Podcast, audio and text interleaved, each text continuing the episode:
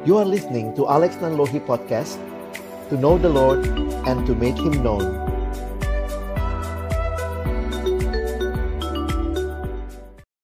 Bapa di dalam surga kami kembali bersyukur. Tuhan memberi kesempatan kami belajar kembali setiap kebenaran firman-Mu. Dan kami mohon kiranya ketika kami membuka firman-Mu Tuhan sekali lagi bukalah juga hati kami jadikanlah hati kami seperti tanah yang baik supaya ketika benih firman Tuhan ditaburkan boleh sungguh-sungguh berakar, bertumbuh dan juga berbuah nyata di dalam hidup kami. Berkati hambamu yang menyampaikan firman, setiap kami yang mendengarkan Tuhan tolong kami semua. Kami mohon jadikan kami pelaku-pelaku firman-Mu dalam hidup kami. Dalam nama Yesus, kami menyerahkan pemberitaan firman-Mu. Amin. Shalom. Kita akan bicara hari ini Disciples Proclaim the Gospel. Jadi saya berharap sebenarnya ini masih lanjutan dengan apa yang teman-teman uh, kita pelajari kemarin. Sebagai murid Tuhan, baik teman-teman yang sedang di dalam KTB akan menjadi pemimpin KTB, mari kita membangun komunitas yang berpusat kepada Injil.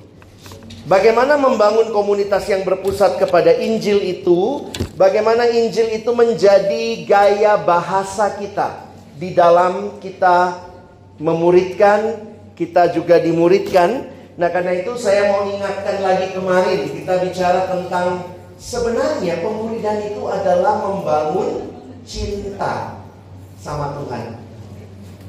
Murid adalah orang yang mengikuti Allah, mau mencintai Allah karena menyembah itu sama dengan mencintai. To worship is to love. Jadi ini bagian penting yang harus kita ingat. Apa yang dimaksud menjadi orang yang mencintai Allah? Apa buktinya bahwa kita mengasihi Allah?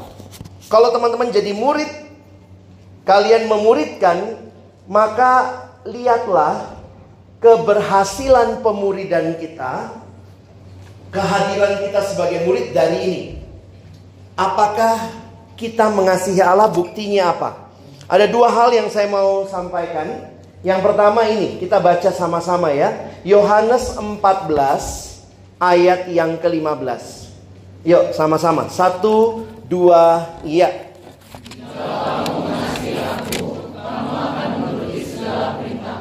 Nah ini penting nih ya.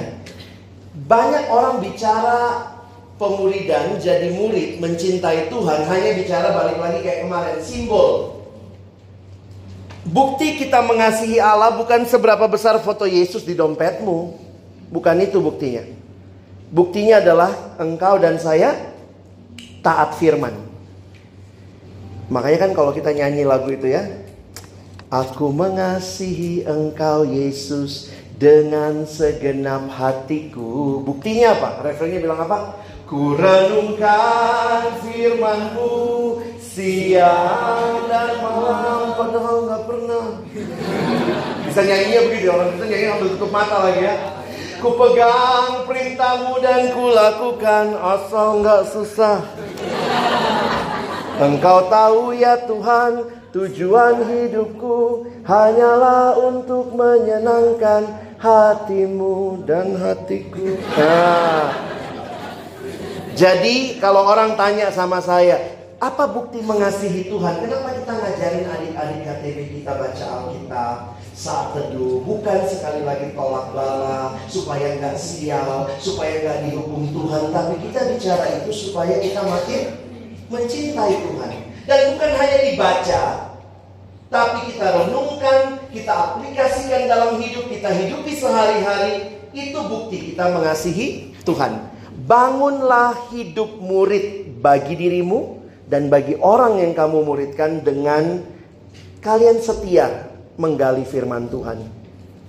Saya melihat gereja mulai banyak juga yang keranjingan pemuridan. Kalau kita di perkantas mah dari dulu mah kerja utamanya itu ya. Gereja baru mulai, oh sekarang pemuridan, pemuridan. Tapi waktu saya lihat ada beberapa kelompok-kelompok pemuridan, makanya kalian harus lihat.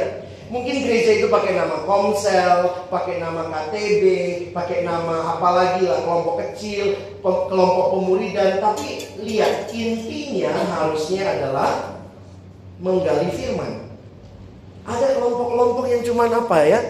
Cuman datang sharing gitu ya. Makanya saya harus katakan banyak gereja waktu saya teliti ini pemuridan, oh kayaknya ini cuma kelompok sharing. KTB, kelompok tanpa bahan. oh, kami fun-fun doang, kelompok kami sangat fun. Kami KTB, kelompok tertawa bareng. Ada juga setiap kali kumpul makan, kumpul makan, KTB, kelompok tambah besar. Jadi hati-hati ya. Kita bicara KTB, kelompok yang tumbuh bersama.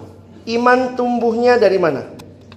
Pendengaran akan firman Tuhan. Saya pikir dari sekolah minggu sebenarnya kita udah diajarin ya. Bagaimana bertumbuh adik-adik? Baca kitab suci, doa tiap hari kalau mau. Jangan-jangan lagu kita udah ganti.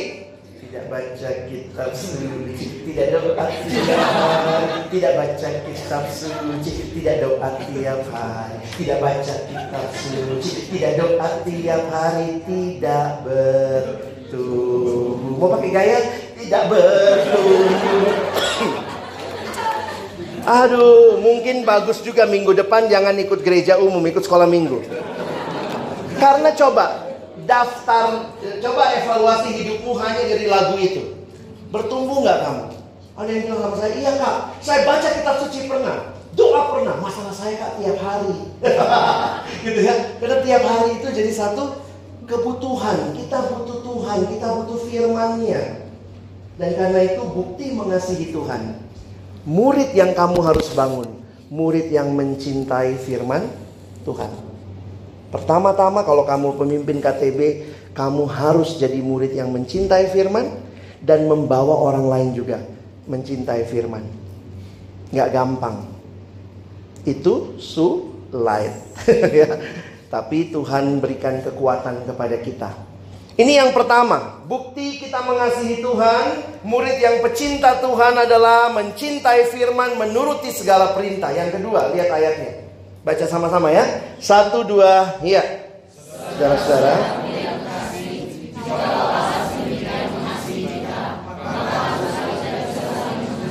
Nah, ternyata mencintai Tuhan bukan hanya hubungan vertikal dengan Tuhan, tapi juga hubungan horizontal.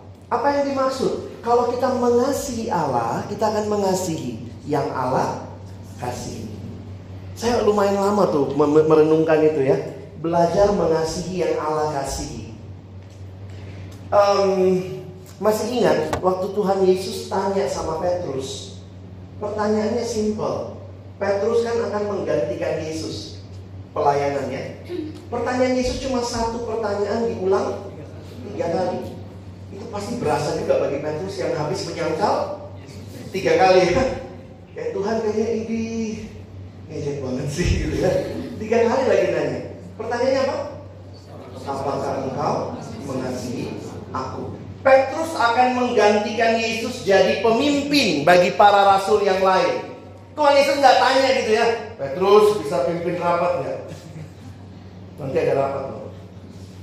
Petrus bisa nggak pimpin lagu sebelum rapat kita nyanyi empat per empat. Petrus bisa main musik nggak? Kenapa bukan itu yang Tuhan tanya?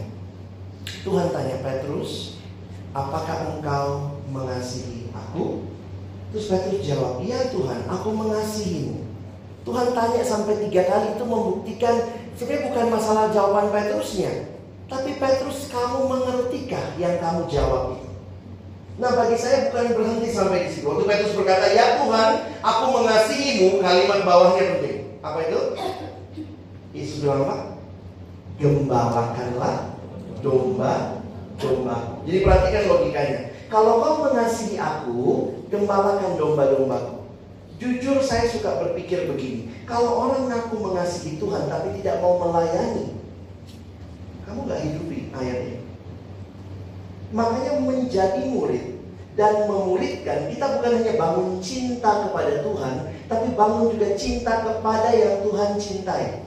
Tuhan mencintai domba-dombanya. Dan Tuhan titip cintanya itu sama kamu dan saya. Waktu pertama kali jadi pemimpin kelompok kecil, zaman kami belum banyak pembicara. Jadi kadang-kadang persiapan pemimpin kelompok kecil ngapain? PA bersama. Sekarang tuh karena banyak pembicara, undang kak ini, undang bang itu, undang siapa gitu ya. Zaman kami siapa yang mau diundang ya sudahlah kita lihat bahan PA kita PA sama-sama. Di situ saya dapat ayat yang meneguhkan saya memimpin kelompok. Kisah Rasul 20 ayat 28. Kita lihat sebentar ya. Kisah Rasul 20 ayat 28. Yuk teman-teman kalau ketemu kita baca ayat ini sama-sama ya.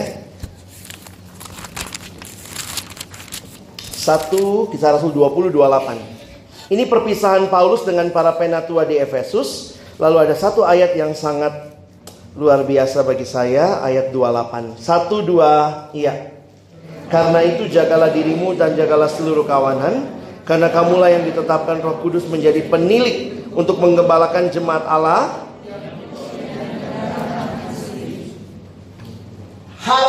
Harganya jemaat itu seharga apa? Darah anaknya sendiri. Teman-teman kalau kamu jadi pemimpin kelompok KTP Sebenarnya kan kita semua ini dombanya Tuhan ya. Seberapa berharga? Seharga darah Kristus. Dan orang yang kita pimpin itu pun seharga darah Kristus. Jangan main-main. Beri waktu, beri diri, beri hidupmu buat memimpin mereka dengan baik. Itu seharga darah Kristus. Betapa berharganya. Jadi akhirnya saya jadi mengerti. Kalau saya mengasihi Tuhan, apa buktinya? Saya mengasihi yang Tuhan sangat kasihi. Yang dia bayar lunas dengan darahnya sendiri. Saya siap melayani mereka. Kalau saya memang sungguh-sungguh mengasihi Tuhan. Jadi jangan ngomong mengasihi Tuhan melayani nggak mau. Bagi saya pertanyaannya mengasihi diri mungkin ya. Kalau kita mengasihi Tuhan, kita akan mengasihi yang Tuhan kasih. Kadang-kadang nggak mudah. Saya cerita pengalaman merelasikan ayat ini ya. Jadi saya punya sepupu waktu dia masih kecil, jauh kami bedanya, dia baru lahir. Uh, waktu dia lahir saya kira-kira sudah SD lah, SD. Um, jadi dia ini waktu kecil lucu banget kayak boneka Jepang, anak tante saya. Dia sekarang kesampaiannya menikah sama orang Jepang dan tinggal di Jepang. Jadi lucu banget tuh. Dia kayak boneka Jepang gitu dan kami semua uh, kakak-kakaknya kalau kalau lagi liburan ke rumah dia, itu rebutan gendong dia. Namanya si Peggy. Jadi Peggy ini kami rebutan gendong si Peggy. Dan uniknya Peggy ini anak kecil itu punya ada yang punya mainan atau ada yang punya apa boneka ya. Nah Peggy ini dari kecil waktu dia masih balita itu dia punya bantal. Ada satu bantal kecil dia ke mana-mana akan selalu peluk bantal itu. Kayak ada hubungan batin sama bantal itu. Ya. Beberapa kali bantal itu mau dicuci sama mamanya, itu lagi tidur diambil pelan-pelan nangis langsung dia. Jadi si Peggy sama bantal itu dekat sekali. Bantal itu pun kami semua menyebutnya sesuai dengan yang dia sebut. Jadi bantal itu saya ingat banget, bantal kecil anak-anak, covernya warna biru, ada gambar Superman-nya. Dia bilangnya itu Atajin. Jangan tanya kenapa, tapi kami sekeluarga panggilnya Atajin. Kenapa? Ini Atajinnya Peggy. Jadi dia kalau kalau kita mau pergi atau apa, dia selalu Ata Ata. Jadi kita udah mesti bawa Dan dia peluk sepanjang jalan.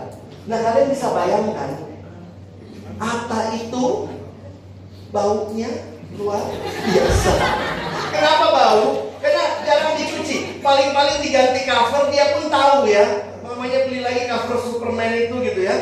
Jadi ke mana-mana kalau kami mau gendong Peggy karena saking lucunya dia, kami lagi gendong Peggy, Peggy lagi gendong Atajing. Jadi kadang-kadang kalau saya gendong Peggy, Atajing itu persis di muka saya. Kalau saya mengasihi Peggy, Kalau saya mengasihi Peggy, saya harus mengasihi Itu konsekuensi. Boleh nggak saya bilang, maaf Peggy, saya hanya mau mengasihimu. Buang Atachi itu. Mungkin saya yang dibuang.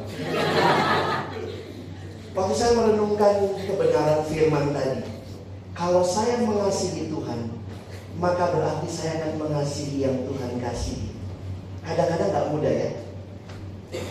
Berapa orang yang sudah jadi pemimpin KTB? Angkat tangan dong. Gampang nggak mengasihi adik KTB? Ketawa. Kenapa nggak? Kamu yang membuat mantan menderita, sadarlah. Gini loh, kadang-kadang ini ini jujur speaking ya, jujur speaking nih ya. Kadang-kadang kalau kita mimpin KTB, jujur aja lah, kita ada adik yang kita lebih sayang dari yang lain. Benar nggak? Yang istilahnya kalau dia nggak datang nggak apa-apa. Kalau saya nggak terlalu sayang, maksudnya nggak apa-apa. Kalau yang saya sayang nggak datang, aduh, rasanya gimana? Lalu yang datang yang nggak terlalu sayang. itu ya adalah pemimpin KTB semacam itu. Ada adik-adik KTB yang bikin kita repot.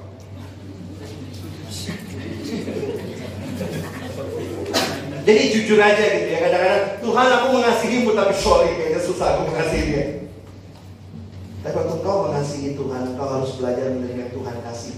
Adikmu yang paling merepotkan, adikmu yang mungkin kau tidak kasih itu pun Tuhan bayar dengan harga darah anaknya sendiri. Di situ saya jadi mengerti karena biasanya kenapa saya nggak terlalu suka sama adik ini? Banyak banget pertanyaannya terus kayak muji saya. Itu ada juga gitu ya. Muji terus gitu ya? Apa maunya?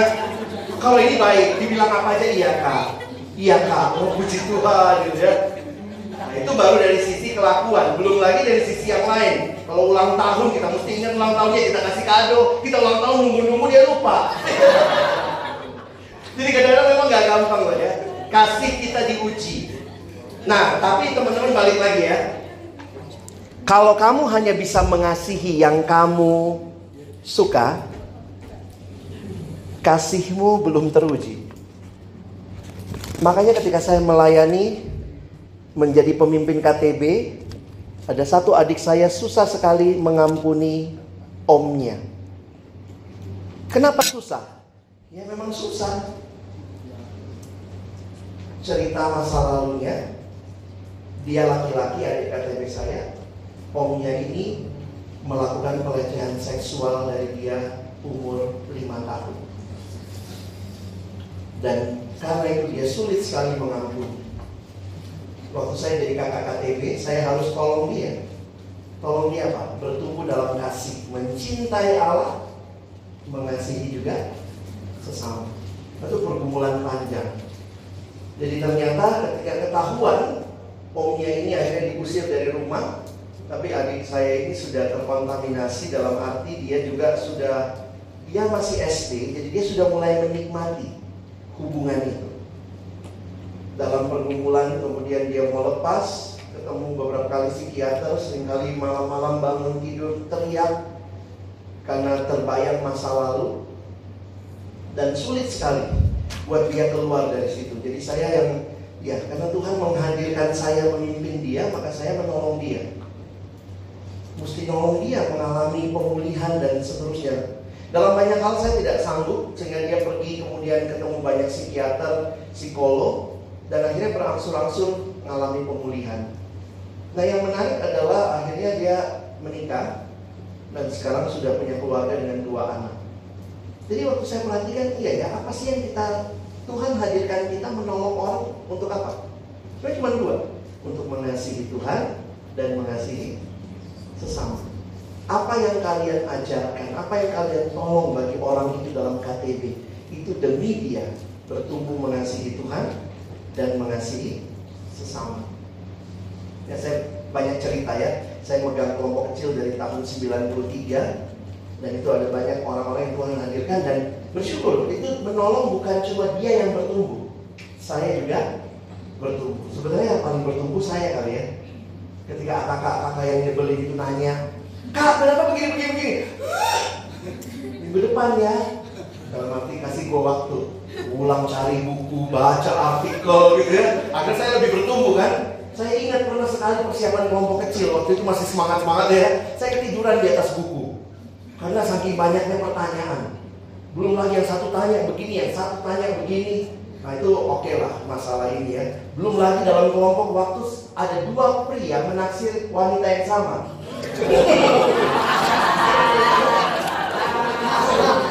Dua-duanya cerita sama saya dalam situasi terpisah. Jadi yang satu datang begini, Kak saya suka sama si ini gitu ya.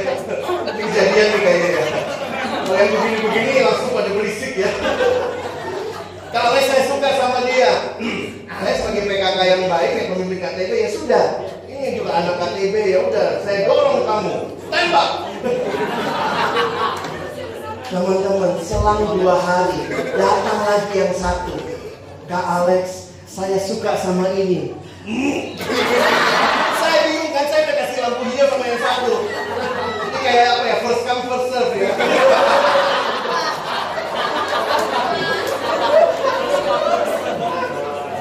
Akhirnya saya harus jujur sama dia, saya bilang sorry ya. Saya udah kasih lampu hijau ya. Saya berkatnya sudah turun teman. Akhirnya saya cuma bilang gini, ya udahlah, kalian kan saya mereka teman baik bertiga sama perempuan ini. Saya bilang kalian uh, secara sehat lah maju, ya.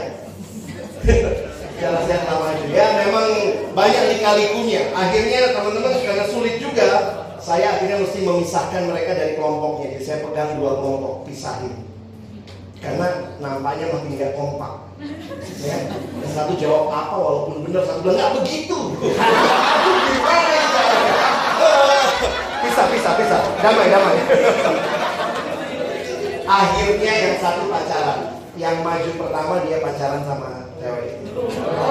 Tapi putus. Udah, udah nggak bareng ya. Jadi cewek itu menikah sama orang lain, cowok ini menikah sama orang lain, yang cowok yang satu juga kan. Jadi unik juga sekarang kalau lihat mereka di grup, kami masih punya grup kan, grup uh, pengurus kampus karena cewek ini dulu sekretaris, eh, seksi acara. Jadi sama ya. Ya udah, nasihat saya bersainglah dengan sehat. Memang ya teman-teman, wanita yang akhirnya memilih ya. Pilihlah yang baik. Saya kadang bilang kalau sama yang wanita ya perempuan tolonglah jaga perasaan juga ya. Cowok itu kalau sampai berani maju itu sudah satu RT doain. Ya. Kadang juga cowok-cowok PMK ini nggak gentle sekarang. Deket-deketin nggak pernah ngomong. Jadi bingung kan ceweknya? Apa sih maksudnya? Benar nggak wanita? Ada juga yang begitu. Ada yang datang sama saya Kak Alex dia sudah satu bulan ini jemput saya hampir tiap hari. Ini ceweknya kan mulai baper kan? Dijemput tiap hari. Sejalan kalian. Iya sih sejalan tapi apa maksudnya ya kak? Loh kenapa tanya sama saya? Biasa jangan apa maksudnya kak? Saya nggak tahu. Terus kemudian dia bilang menurut kak Alex kira-kira bagaimana? Saya bilang gini aja lah. Wanita itu ingat yang cowok wanita butuh kepastian ya. Iya. Cowok itu paling susah kasih kepastian padahal wanita perempuan butuh kepastian. Jadi udah jemput gitu-gitu saya bilang akhirnya gini aja tanya sama dia ih malu lah kak. Ya pakai orang lain tanya. Atau siapakah maksudnya pakai itu kami biasa bilangnya sendi. Sendi yang menghubungkan pihak. Siapa sendimu gitu. Saya baca tapi pertanyaannya saya bilang ini kan dia nanya kak sebenarnya boleh nggak saya tanya sama dia? Saya bilang ya kalau saya dengan kondisi begitu kalau kau berani tanya aja. Tapi tanyanya apa kak? Saya bilang tanya sama dia. Sudah sebulan dijemput perlu bayar nggak? Biar nanti goceng itu bulan promosi. Aduh intermeso ya. Nah yang cowok juga harus siap cowok itu harus siap ditolak. Ya, itu udah nasib kita. Tentu cewek yang perempuan tolaklah dengan sopan. Jadi kalau ada orang maju, saya saya suka sama kau, senang lihat kamu pelayanan. Saya sudah mendoakan kamu dari dua bulan lalu. Ya cewek harus jangan langsung, heh ngaca kau yang. Jangan ya. Sebagai dalam perselingkuhan kita perlu atur rule ya. Ayo, yang cewek bilangnya apa? Terima kasih. Lo masih ada suka sama kau. Terima kasih sudah suka doain saya. Boleh nggak saya jawab minggu depan? Kan timbang-timbang dulu, pulang lihat lagi kaca. Sama dia. Iya dong, kan? Lalu gimana nanti belajar untuk menyamakan. Saya saya sudah berdoa satu minggu ini, tapi nampaknya belum. Maaf. Jadi tolaknya sopan gitu ya. Nah cowok juga siap ditolak. Jangan ih serius ya, saya bercanda minggu lalu. Udah, jangan jangan.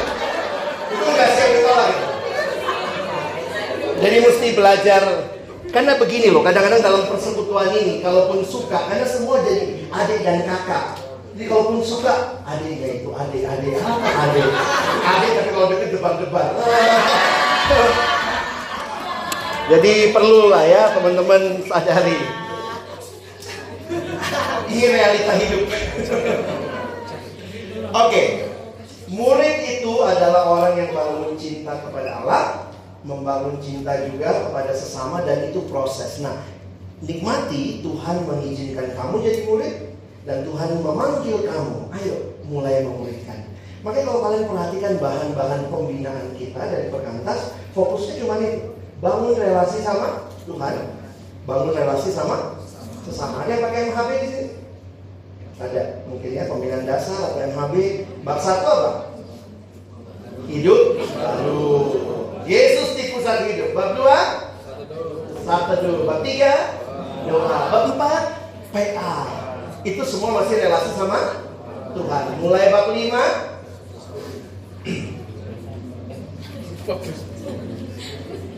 Gak nyampe ya bab lima.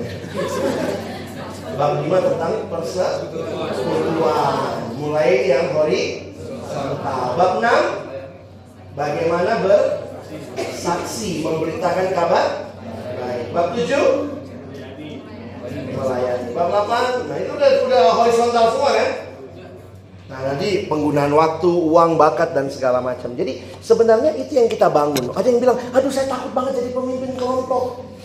Sebenarnya kamu takut kalau kamu tidak jadi murid, kamu akan sangat takut memimpin. Tapi kalau kamu sudah jadi murid, kamu hidupi hidup yang dekat sama Tuhan, membaca firman-Nya, berdoa, maka sebenarnya kamu akan rindu sekali menolong orang lain menikmati yang kamu nikmati.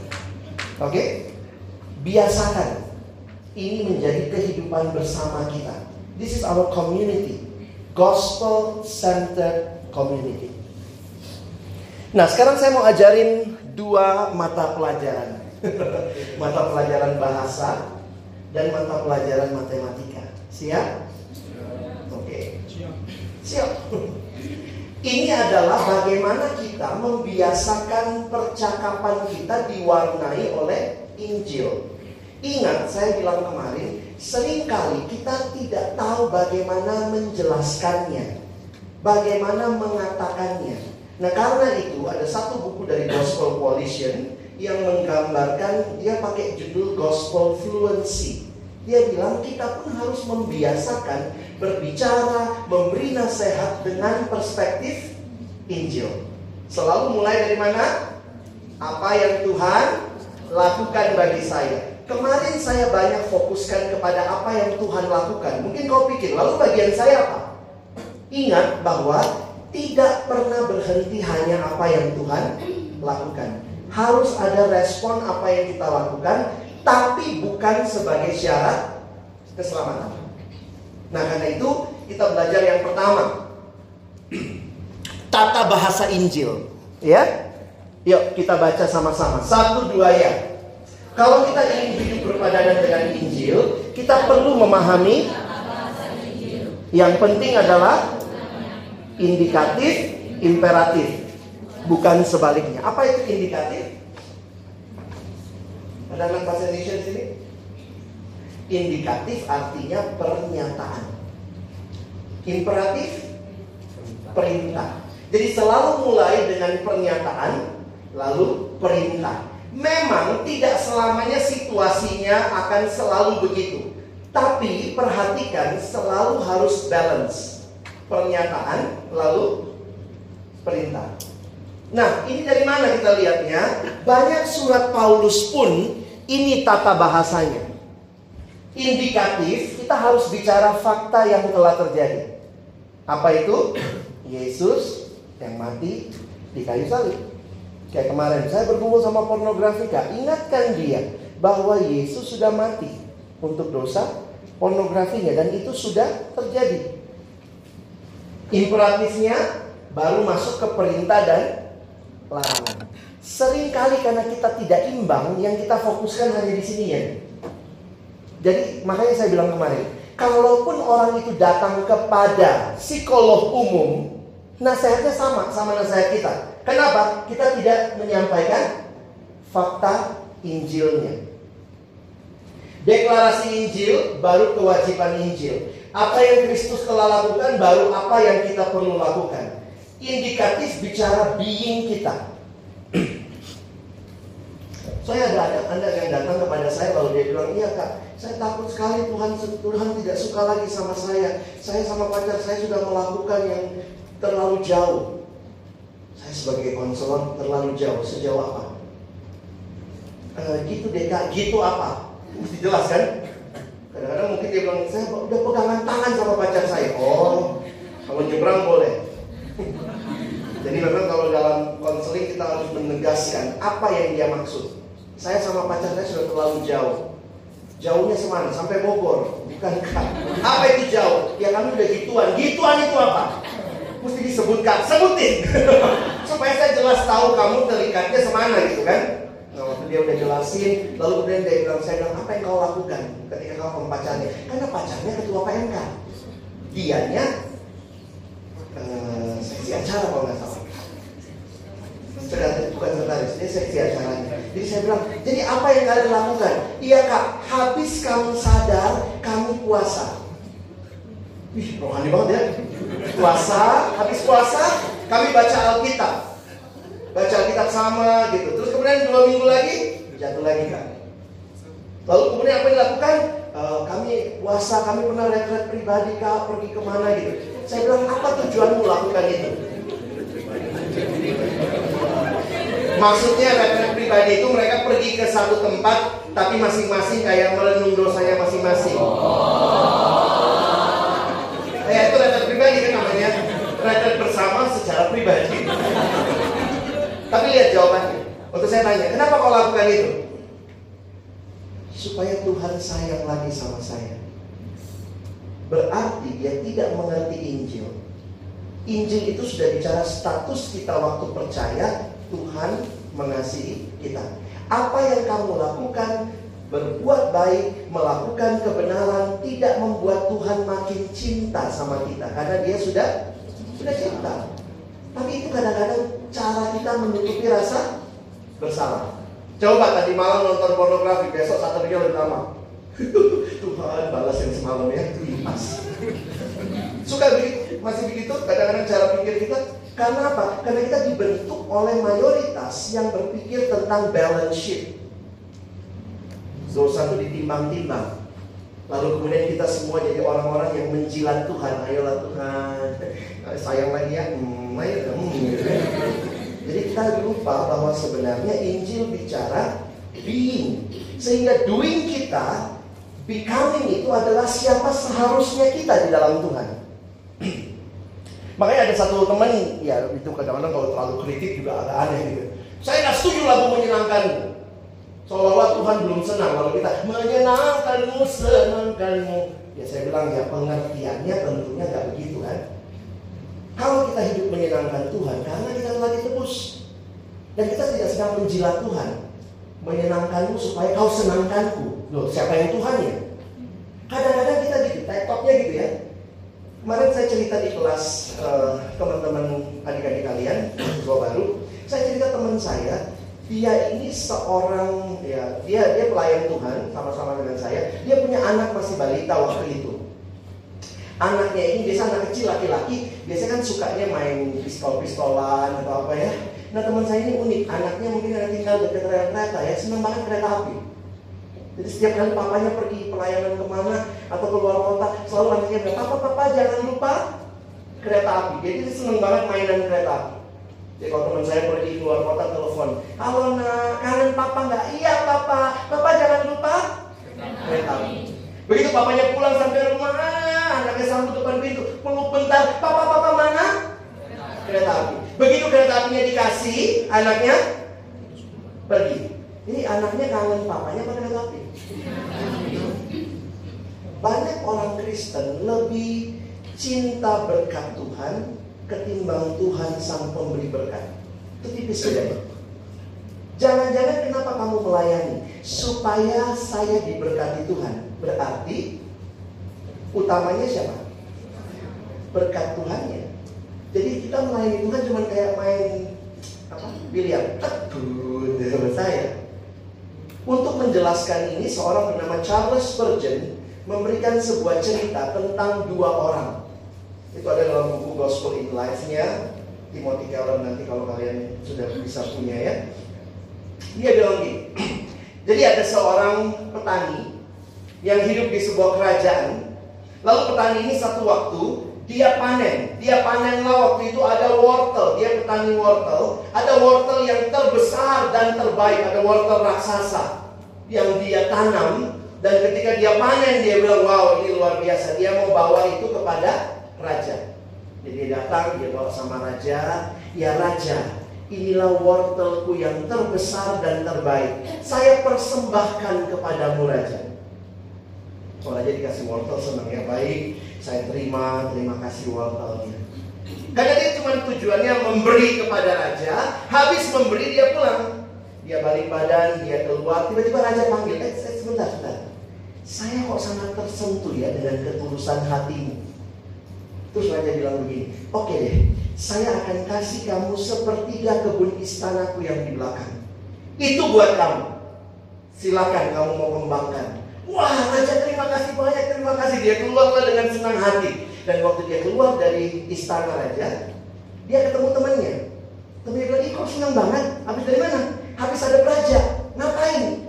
Tadi habis bawa wortel. Kok kenapa senang banget? Iya, soalnya waktu saya kasih wortel, raja kasih sepertiga kebun istana. Oh, mulai dia mikir, hmm, kasih wortel dapat sepertiga kebun istana. Nah orang ini bukan petani, dia peternak. Dia pulang ke rumahnya, dia mulai cari mana kuda yang terbaik. Wah, orang Sumba mungkin ya, cari kuda paling baik. Lalu kemudian apa? Besoknya dia bawa sama raja. Dia datang sama raja, dia bilang ya raja, inilah kuda yang terbesar dan terbaik. Terimalah ya raja. Oh raja dikasih kuda senang ya. Baik, saya terima kudanya. Habis dia terima kuda, orang ini nunggu.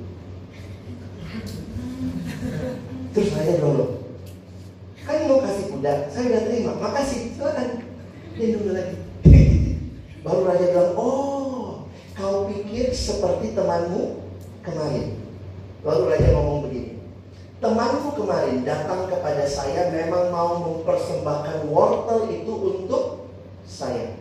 Hari ini kau datang Kau bukan mempersembahkan kuda itu untuk saya. Kau mempersembahkan kuda itu untuk dirimu sendiri. Itu punchline-nya. The farmer yesterday gave me the carrot. But today, you are not giving me the horse. You are giving yourself a horse.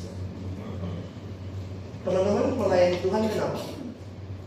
Buat Tuhan atau buat dirimu? Jangan-jangan itu yang terjadi. Saya bicara seperti ini, jangan pikir saya pun sudah tidak mengalami pergumulan. Saya alami pergumulan ini ketika papa saya sakit. di situ kayak Tuhan, makanya saya bilang saya baru lima tahun terakhir ini mulai makin menikmati dan menyadari Injil ini. Jadi waktu papa saya sakit kena kanker, kanker prostat stadium 4. Nah, tapi sebenarnya Tuhan sembuhkan, papa saya masih ada sampai hari ini. Tapi waktu itu terjadi, teman-teman tahu respon reaksi positif saya, eh, reaksi spontan saya? Tuhan, saya sudah give up my future, saya sudah tinggalkan uh, ilmu komunikasi saya. Saya kan terpikir dulu bisa jadi presenter di TV-TV gitu ya. Wah, wow, pakai presenter kenal saya kali ya. Tapi saya tinggalkan semua itu. Saya jadi hamba Tuhan. Kenapa ini terjadi pada keluarga saya? Itu muncul spontan sekali. Seolah-olah saya mau bilang apa? Kalau saya melayani, nggak boleh apa-apa sama keluarga saya. Nangkap maksudnya? Jadi sebenarnya saya melayani Tuhan buat siapa? Buat diri saya. Waktu saya layanimu, jangan bikin apa-apa sama keluarga gue ya. Jadi sebenarnya yang saya layani bukan Tuhannya, tapi keselamatan keluarga saya. Who is my idol? My family. Kuda-kudamu dalam pelayanan menunjukkan apa yang jadi berhalang. Dan biasanya itu akan teruji waktu ada krisis. Kalau lagi aman-aman, oke okay ya. Begitu misalnya sudah pelayanan semester ini, tiba-tiba IP-nya turun. Ayo, gimana responnya? Saya udah pelayanan Tuhan, saya udah kasih waktu luar biasa untuk Tuhan. Orang nggak tidur, saya tidur. Orang tidur, saya nggak tidur misalnya gitu ya. Kenapa begini? Banyak orang yang merasa, saya sudah kasih sama kau Tuhan, harusnya kau jaga saya. Itu bukan melayani Tuhan, itu transaksional. I give something, but I need something from you. That is not what we should do. Di dalam situasi krisis hidup, sering kali akan nyata apa idol kita. Karena itu Timothy Keller mengatakan kalimat yang menarik. Mari melayani Tuhan untuk mendapatkan Tuhan, bukan untuk mendapatkan sesuatu. Do not serve God to get things, but serve God to get God. Wah ini susah nih. Karena saya sadar betul kadang-kadang pergumulan hidup itu yang akan membuktikan kita lagi melayani siapa. Oke? Bisa paham sampai sini ya? Waktu ada penderitaan, makanya saya bilang kemarin, begitu ada penderitaan langsung kita ngelihatnya hukuman. Jadi waktu orang melihatnya hukuman, sebenarnya konsep dia tentang hal apa? Saya sudah baik sama kamu, kok kamu hukum saya? Tapi bersyukur ya kemarin sana bilang ya seperti Ayub kan. Waktu kita sudah cari hidup kita, nggak ada kok salah saya. Maka ingatlah, waktu bicara penderitaan Tuhan mau ajarkan apa? Karena di dalam Tuhan, buat kita yang sudah percaya tidak ada penghukuman. Tapi masih ada konsekuensi dosa? Masih. Tapi konsekuensi dosa bukan hukuman. Itu beda tuh. Kamu nyolong ayam masuk penjara, jangan bilang itu hukuman, itu konsekuensi dosa. Dan ini memang perlu kita pahami. Mungkin kalian perlu baca bukunya Timothy Keller tentang suffering. Kita jual di luar suffering? Lagi enggak ya? Kayaknya nggak lengkap seri yang di bawah ya. Doa untuk apa? Doa bukan menjilat Tuhan. Kenapa? Kita kebiasaan mungkin lihat oh kalau di dunia itu makin kita kasih sesuatu nanti kita dapat sesuatu. Makanya gereja penuh kalau mau ujian. Kenapa? Karena tanam saham dulu. Tuhan saya datang gereja. Dan secara tidak sadar, kadang-kadang kita membina orang dalam kelompok kecil bisa merasa begitu.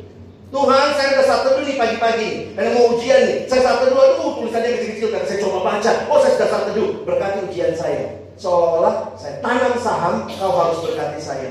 Jadi sebenarnya kalau ada KPK surgawi Ketangkap kita semua, penjilat. Gak ada yang sungguh-sungguh cari Tuhan. Betul itu kata firman Tuhan. Penjilat semua kita. Tapi hanya Injil itu yang mengembalikan kita ke fokus yang seharusnya karena itu jadi PKK, pemimpin KTP yang menolong orang mengerti Injil. Jangan kasih beban-beban baru. Oh, kau mau sukses, satu kau. Tertanam, oh, untuk untuk sukses, satu kuncinya. Loh, kalau nggak sukses langsung dia salahkan. Saya sudah satu selama ini, kenapa tidak sukses? Karena kau satu untuk dirimu. Banyak orang lupa berkat Tuhan bukan akhir, Dengar kalimat saya. Berkat Tuhan bukan akhir, tujuan akhir. Berkat Tuhan harusnya menjadi papan penunjuk arah kepada Tuhan Sang Pemberi berkat.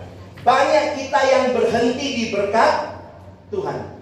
Banyak kita yang berhenti di berkat Tuhan karena itu itu jadi idol dan kita tidak sampai kepada Tuhan Sang Pemberi berkat.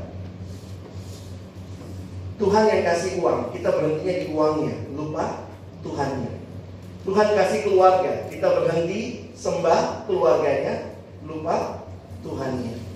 Saya lupa, saya cerita di kelas bawah kemarin kali ya, yang ada keluarga pergi tamasya ke Taman Safari. Saya nggak tahu Taman Safari di sini juga ada kan ya. Ini di Jakarta Taman Safarinya ya. Jadi dia pergi ke satu bapak bawa anaknya semua naik mobil pergi ke Taman Safari. Kalau di Jakarta itu keluar dari Ciawi ada papan billboard besar Taman Safari. Wah di papan billboard itu ada ada lionnya, ada elephantnya, ada tamannya, ada tempat bermainnya. Lalu bapak itu ajak keluarganya, ayo semua turun. Mereka camping di bawah billboard taman safari. Kita sudah sampai di taman safari. Ayo nikmati. Lalu mereka duduk di situ lihat-lihat papan billboard taman safari. Padahal di papan itu tunjuknya apa? Taman safari 10 kilo lagi. Banyak orang parkirnya di berkat Tuhan. Tidak sampai ke Tuhannya. Sebenarnya semua berkat Tuhan itu adalah papan penunjuk arah kepada Tuhan. Sayangnya kita sering kali berhenti di berkat Tuhan. Oke, saya harap makin ngerti kamu tentang Injil. Jadi kamu makin berbicara dengan baik. Ini contoh-contoh Alkitabiahnya ya. Di banyak surat Paulus, Paulus selalu mulai dengan indikatif. Ada beberapa yang agak terbalik urutannya. Paulus misalnya Roma 6 ayat 18. Kamu telah dimerdekakan dari dosa dan menjadi hamba kebenaran. Lalu imperatifnya kamu harus sekarang menyerahkan tubuhmu. Statusnya udah beda. Nah, Galatia. Nah, ini memang menarik. 16-nya duluan. Tapi kalau kita percaya, lihat ini ya. Barang siapa menjadi milik Yesus, ia telah menyalibkan daging dengan segala hawa nafsu dan keinginannya. Always pointing them to the cross. Apa yang Yesus sudah accomplish at the cross, lalu hiduplah oleh roh, maka kamu tidak akan mengikuti menuruti keinginan daging. Nanti kalian bisa lihat urutan-urutan yang sama, Efesus, nanti juga di beberapa surat yang lain.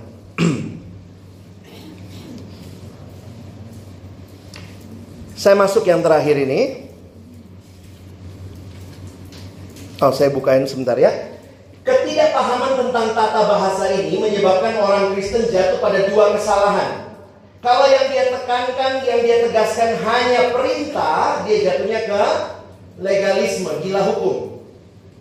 Kalau yang ditekankan hanya impera apa uh, indikatifnya, pernyataannya, ini jatuh kepada anti hukum.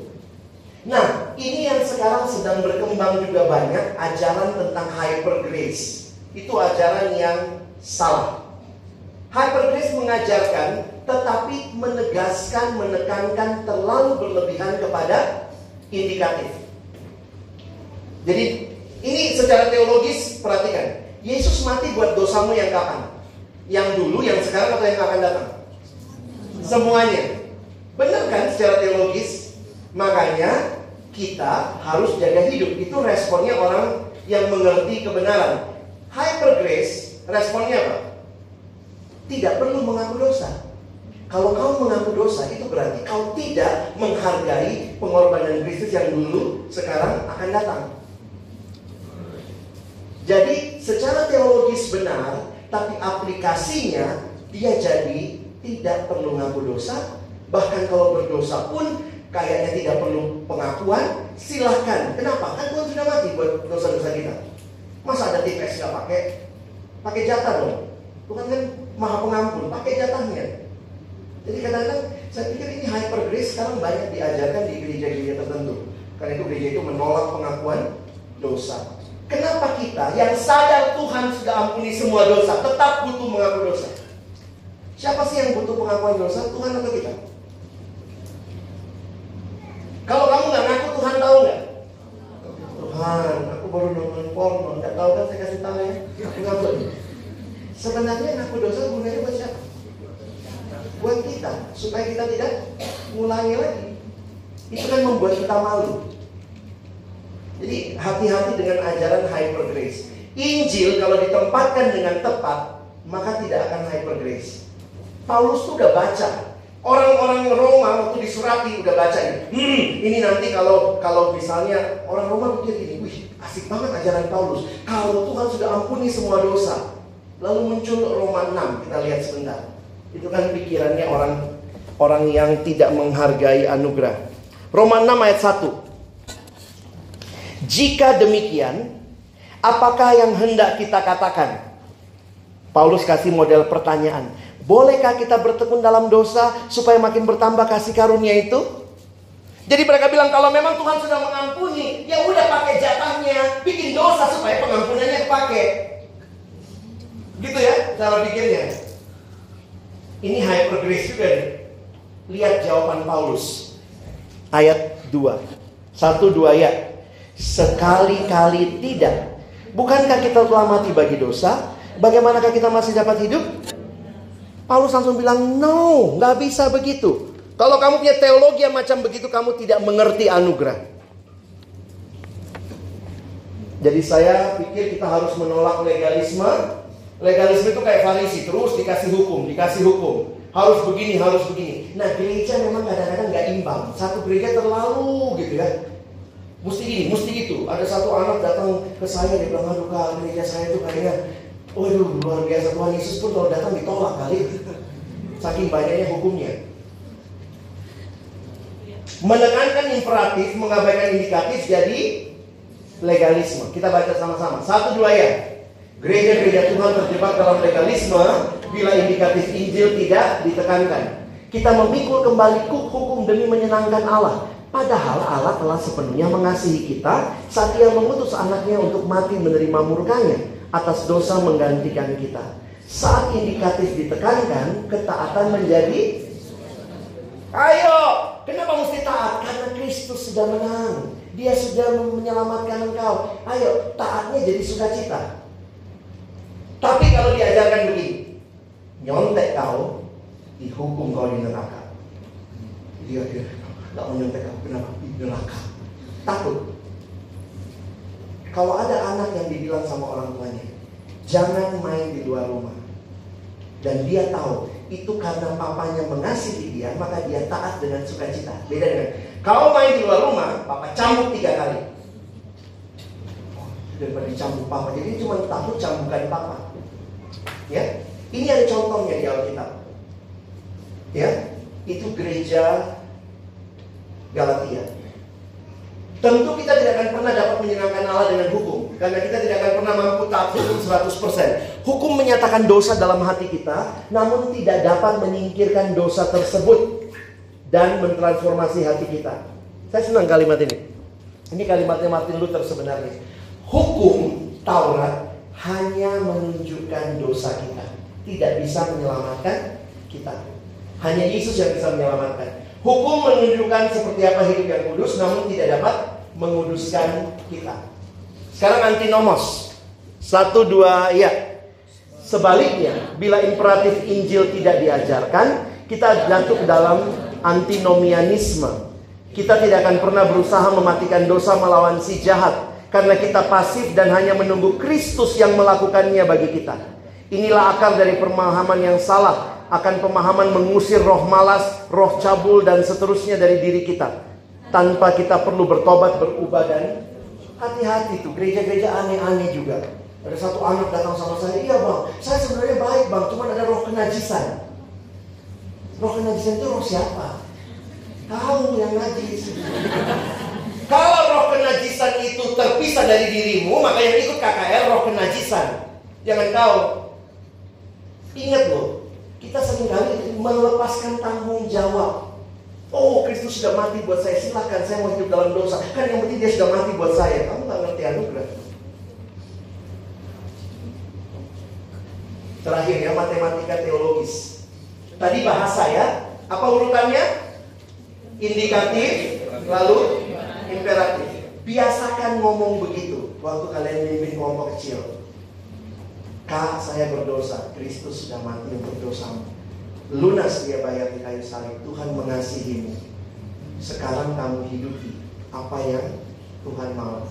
Berjalanlah dalam kemenangannya. Kalau saya jatuh bagaimana? Bangkit lagi. Jadi kita akhirnya tidak menambah beban. Ada yang bilang, kau jatuh lagi kemarin? Iya, tambah satu minggu tiga kali. Minggu depan jatuh lagi kak, 50 kali. Kenapa? Kan firman Tuhan menguduskan. Baca kau tuh, baca, baca. Akhirnya waktu dia gagal lagi, dia tinggalin firman Tuhan. Kenapa? Gak sanggup dia kudus. Dan waktu kau katakan, Yesus sudah mati bagimu. Dia yang menyelamatkan. Mulai sama indikatif, lalu imperatifnya jadi suka cita. Matematika teologis kita baca satu dua ya. Di dalam buku True Devotion, In Search of Authentic Spirituality, penulis Alan Chappell mengatakan bahwa kerohanian yang sejati adalah kerohanian yang berpusatkan Salah satu cara untuk menguji apa yang menjadi pusat kerohanian kita adalah dengan mengingat Ih, ada ya hukum matematika teologis. Hukum pertama, setiap kali Anda menambah, sebetulnya Anda mengurangi. Oh, Yesus tidak cukup, tambah. Beberapa gereja aneh-aneh juga. Mau selamat, berarti mesti percaya Yesus dan dibaptis dengan cara ini. Berarti yang menyelamatkan Yesus plus Betul Betulkah baptisan menyelamatkan? Kalau baptisan menyelamatkan, maka Yesus suruh orang di sampingnya dia. Hari ini juga turun baptis. Gak gitu kan? Hari ini juga engkau bersama aku di Firdaus. Kalau baptisan menyelamatkan, kau pasti Tuhan Yesus suruh turun. Atau Tuhan Yesus baptiskan keringat ya.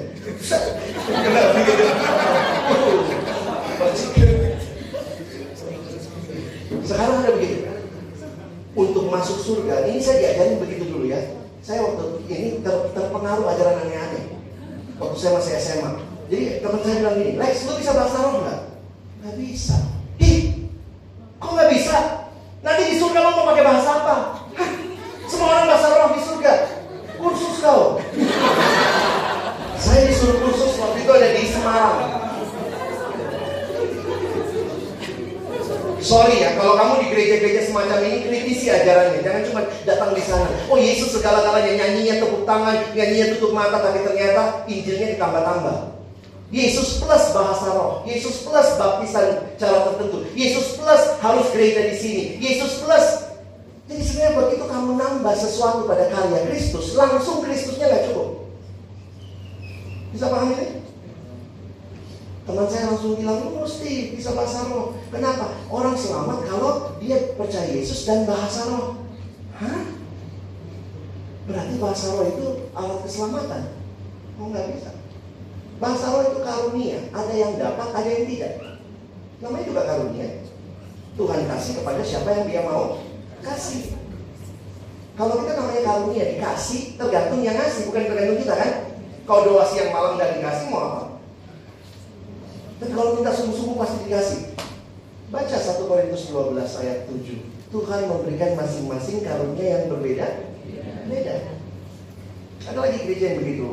Masuk gereja lain tidak selamat. Hanya di gereja kami yang selamat. Ih berarti wow.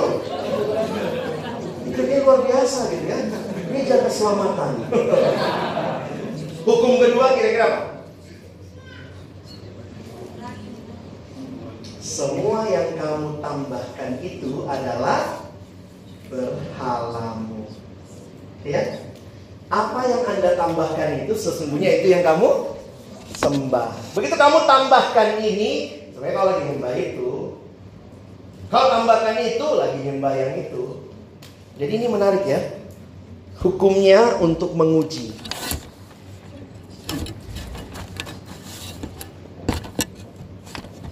Saya masuk kesimpulannya, saya nggak usah baca ini ya. Yuk kita baca sama-sama. Satu dua ya.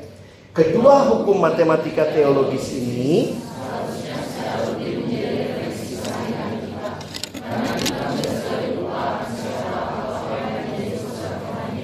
kita itu memang makhluk pelupa. Lupa diri, lupa Tuhan, dan ngeri banget loh kalau lupa. Tapi setiap kali, jadi saya senang dengan ini kalau orang main gitar ya. Orang main gitar kapan gitar itu perlu di stem? Setiap kali mau dimainin kan? Nggak yang stem gitar se, se, apa seribu tahun sekali? Jadi itu kayak hidup kita. Setiap kali mulai melenceng, meluruskan lagi stem lagi dong dong dong dong dong do sugawi do sugawi do sugawi gitu ya. Oh mulai males setem lagi. Kiranya ini menolong kita merefleksikan apa sih yang jadi pusat kerohanian kita. Anak-anak perkantas banyak yang melihat begini, selamat itu kalau percaya Yesus plus saat teduh. Karena kita kayaknya ditekankan banget, saat teduh, doa. Tapi kalau kau menempatkan itu sebagai sejajar sama keselamatan, berarti kau meremehkan Yesus.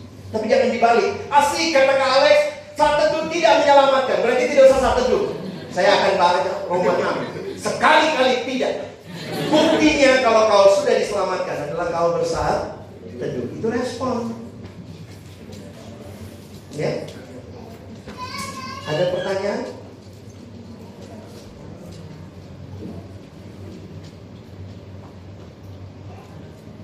Hening cipta selesai. Penghormatan kepada pemimpin pacaran. Ada mungkin yang ingin bertanya? Cukup jelas ya. Saya harap kalian bisa sekarang jangan tambah-tambah hukum Taurat baru. Oh masih ada waktu. Silakan kalau ada yang mau tanya.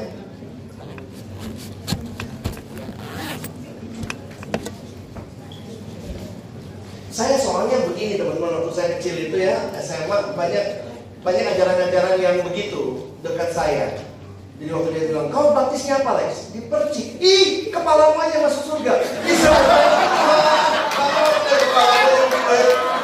Bener loh. Tapi karena itu, jadi saya belajar. Saya sangat menghormati teman-teman yang diselam. Tapi saya juga tidak perlu menyelamkan diri karena baptisan sah bukan karena berapa banyak air. Baptisan sah karena dalam nama Bapa, Anak, dan Roh Kudus. Jadi jangan kadang-kadang kita dalam semangat kegilaan kita, ayo baptis kau, nanti kepala aja masuk surga, ayo kita minggu teman kita seluruh badannya masuk surga sih gitu kan. Tapi kan teologi apa itu? Ya akhirnya saya saya ya bangga. Saya diselam atau saya dipercik itu bukan karena diselamatkan itu bukan berapa banyak air kan nanti di surga berapa ini? Oh kurang, sih enggak percaya Yesus enggak percaya pada Injil ada pertanyaan?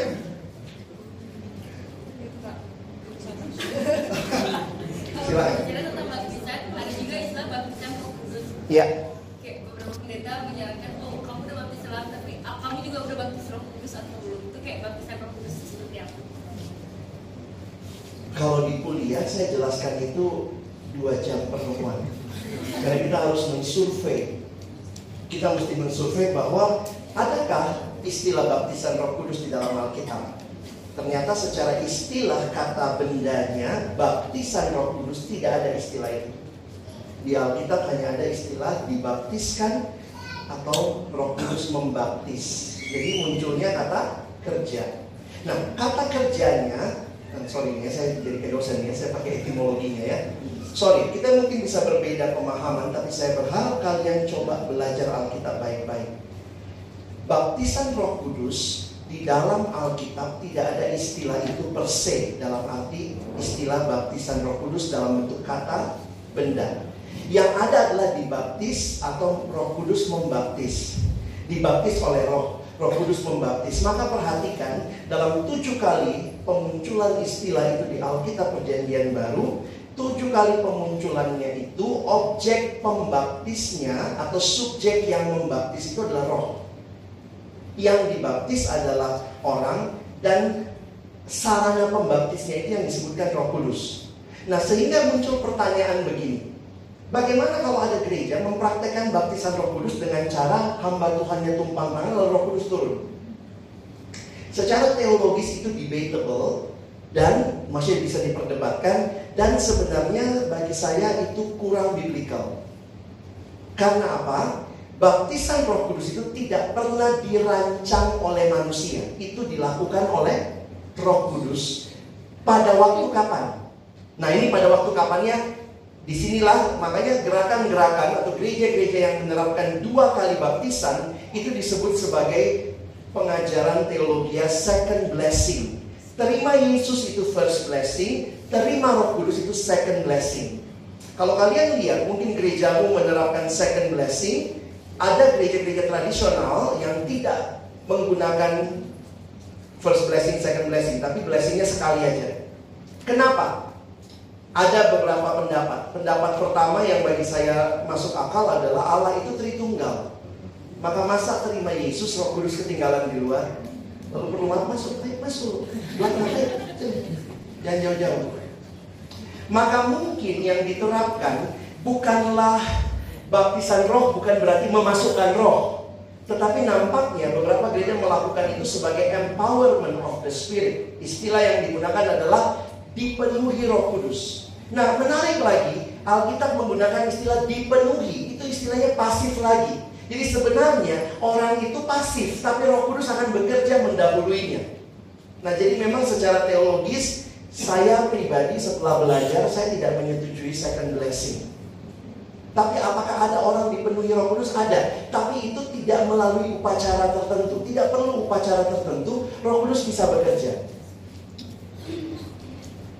Mau tahu lebih dalam? Ikut kuliah.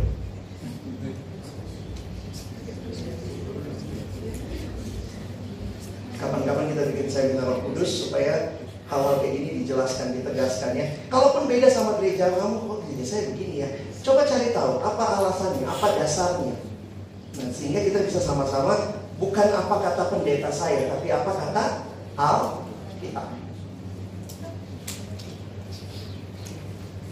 Ada lagi? Eh sorry ya, saya harus katakan begini juga biar teman-teman nggak salah ngerti saya. Kita sadar betul di dalam dunia ini tidak ada gereja yang sempurna. Belum ada. Jadi ketika kita masih berantem ajaranmu sama ajaran ini, ya itu menunjukkan memang belum ada gereja yang sempurna. Kalaupun kamu ketemu gereja yang sempurna, ini kalaupun ada, kamu ketemu ini gereja sempurna banget. Begitu kamu masuk jadi anggota langsung gereja itu jadi nggak sempurna. Karena kamu. Ada lagi pertanyaan?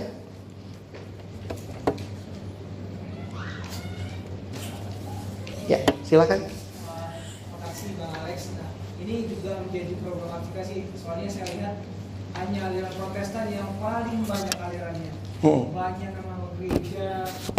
Tapi yang ada, saya ada saat ini saya lihat bahwa saya nggak menjustifikasi bahwa aliran yang lain itu tidak benar karena mereka juga ada sendiri. Saya sendiri berasal dari protestan luteranisme. Nah, ketika misalnya khususnya mahasiswa ini bang, biasanya sampai di Bali ada yang namanya cari curi domba yang apa nama gereja. Nah, berbicara lagi saya, misalnya saya dari gereja lokal, saya dari gereja Kristen Protestan Indonesia, pasti ada jalan motif-motif tertentu dari aliran tertentu Hmm. yang misalnya intinya cuma bilang ayo ikut konsel dan terakhir dari konsel ini ditanamkan sebuah dogma yang menurut saya itu ber- bertentangan dengan dogma yang saya miliki. Nah, pertanyaan saya adalah dengan banyaknya gereja banyaknya aliran-aliran seperti ini, yang saya takutkan adalah nanti kebebasan penafsiran seseorang akan firman Tuhan, sehingga nanti ter- terjadi perpecahan. Khususnya yang saya selalu kontra itu masalah bahasa. Roh, saya selalu diintimidasi. Kalau kamu orang Kristen percaya Kristus kamu harusnya bisa bahasa roh. Itu yang selalu saya intimidasi. Terus baptis, saya pernah ikut sekali ikut kebaktian mohon maaf saya sebut tadi sebenarnya di karismatik. Yang saya saya saya senang persekutuan saya senang bernyanyi saya senang berseluruhan tetapi kenapa ketika saya masuk saya harus bersiaran dulu. Saya harus dibaptis secara selang lagi. Padahal saya yakin bahwa baptisan itu hanya sekali. Dan sebenarnya bukan permasalahan baptisnya selang atau percik tapi itu hanya simbol bagaimana kita menerima Kristus. Jadi bila saya bagaimana sih Pak eh, Bang supaya nih kami ini kan masa mahasiswa nih supaya kami itu bisa fokus pada satu eh, satu ajaran yang memang itu juga berdasarkan Alkitab karena kan juga Bang Asto pas punya aliran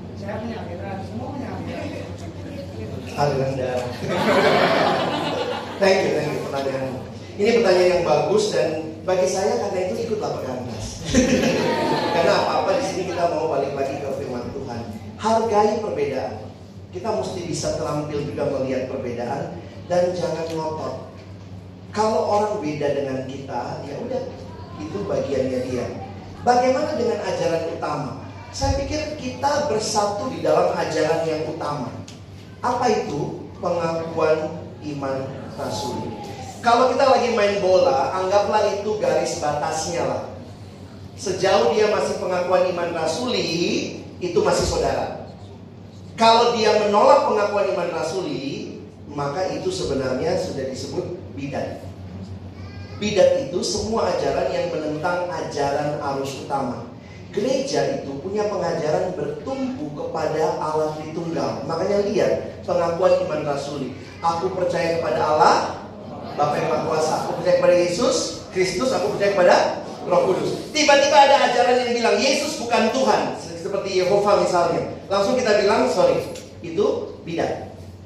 Apa bedanya bidat sama bodat? Bidat itu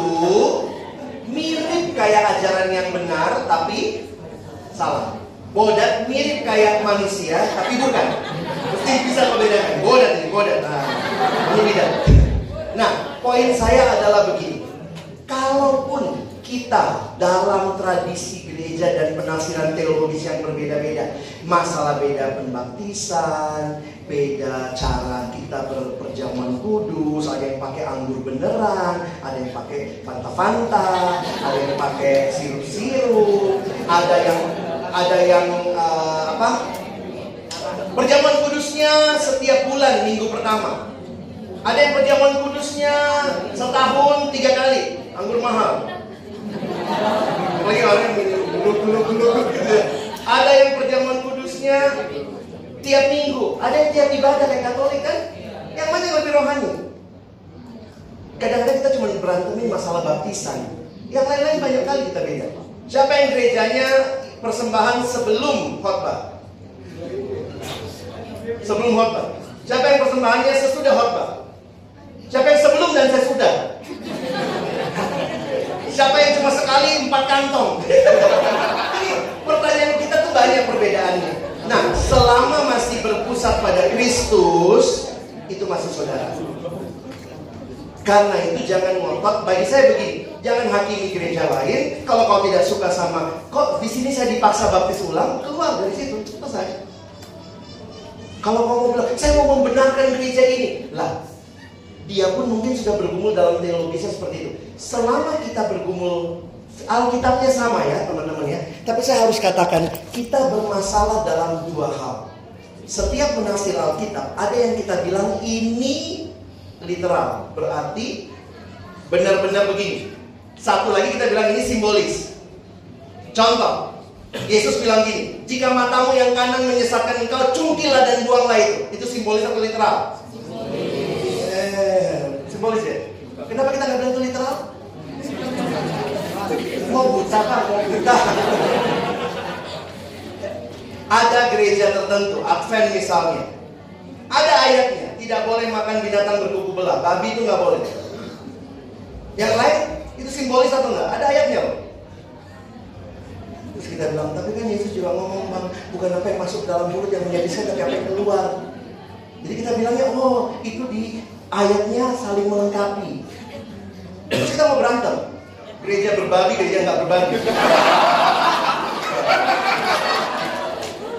Jadi maksud saya begini loh, terimalah perbedaan itu. Saya menghayati perbedaan itu sebagai kekayaan. Jangan melihatnya, ya memang sedihnya ketika perbedaan itu jadi perpecahan.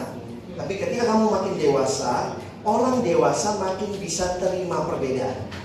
Anak kecil susah lihat perbedaan. Makanya kalau ada orang yang masih berantem, gereja aku dong, gereja aku dong, itu persis kayak anak-anak. Begitu kamu makin dewasa, nggak gitu lagi sikapmu. Oh itu gerejamu, puji Tuhan. Ya udah. Kalau anak kecil punya es krim, apa yang dia lakukan?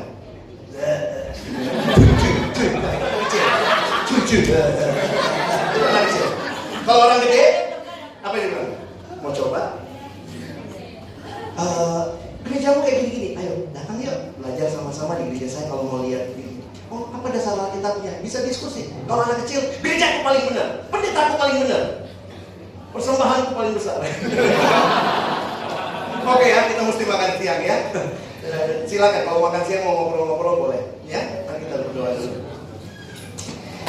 Bapak Surgawi terima kasih banyak. Kesempatan ini kami bisa sama-sama belajar melihat bagaimana pemuridan memberitakan Injil dan benar-benar Injil itu mewarnai pemuridan kami. Belajar memperkatakan Injil. Dan kami sungguh berdoa Tuhan tolong kami sebagai murid Tuhan ataupun sebagai orang yang siap memuridkan untuk bisa dengan baik menyampaikan firman. Kami terus berdoa mampukan kami dengan kuasa rohmu. Kami bersyukur menutup sesi ini dalam nama Yesus. Amin.